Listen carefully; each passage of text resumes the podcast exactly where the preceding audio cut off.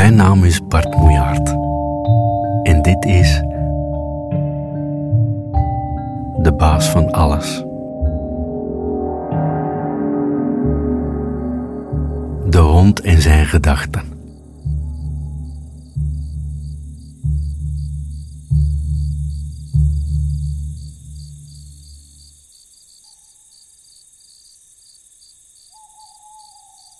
De kat sprong met een sierlijke boog van achter een boom, kwam op haar vier poten tegelijk terecht en riep: Hier ben ik weer. De hond schrok niet. Hij ademde zwaar en nam niet de moeite zijn kop op te tillen.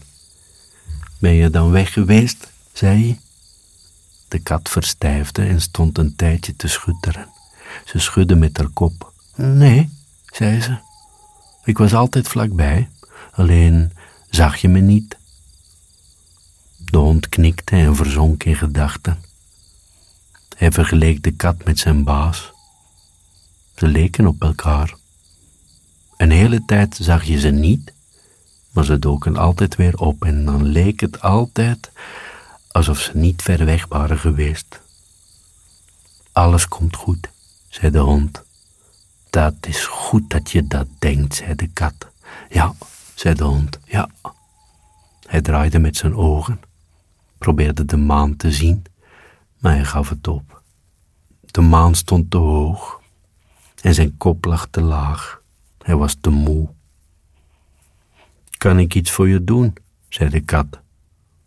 Ze wilde wel een muis voor hem vangen, of desnoods een mot, maar ze wist dat honden kieskeurig waren. Nee, zei de hond, het enige wat erop zit is wachten. Nu kan het niet lang meer duren.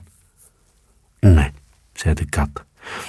Nu kan het niet lang meer duren. Het is goed dat je dat denkt. De hond had zijn ogen dichtgeknepen. Hij verging van de honger. Hij kwijnde weg van verdriet. Maar hij bleef moedig. Hij bleef wachten. Kijk, hier lag hij nog altijd aan de voet van de boom. Hier kon hij gevonden worden. Hij maakte een bolletje van zichzelf en jankte een beetje voor zich uit. De kat zocht een paar mooie gedachten bij elkaar. Iets waar de hond mee bezig kon zijn, dat de tijd dan sneller voorbij ging.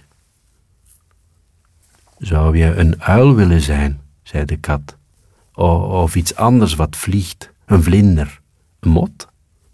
Of was je liever een vos? Ze huiverde overdreven en hoopte dat ze de hond aan het lachen kon maken. Hij gaf geen krimp. De kat hoefde geen moeite te doen.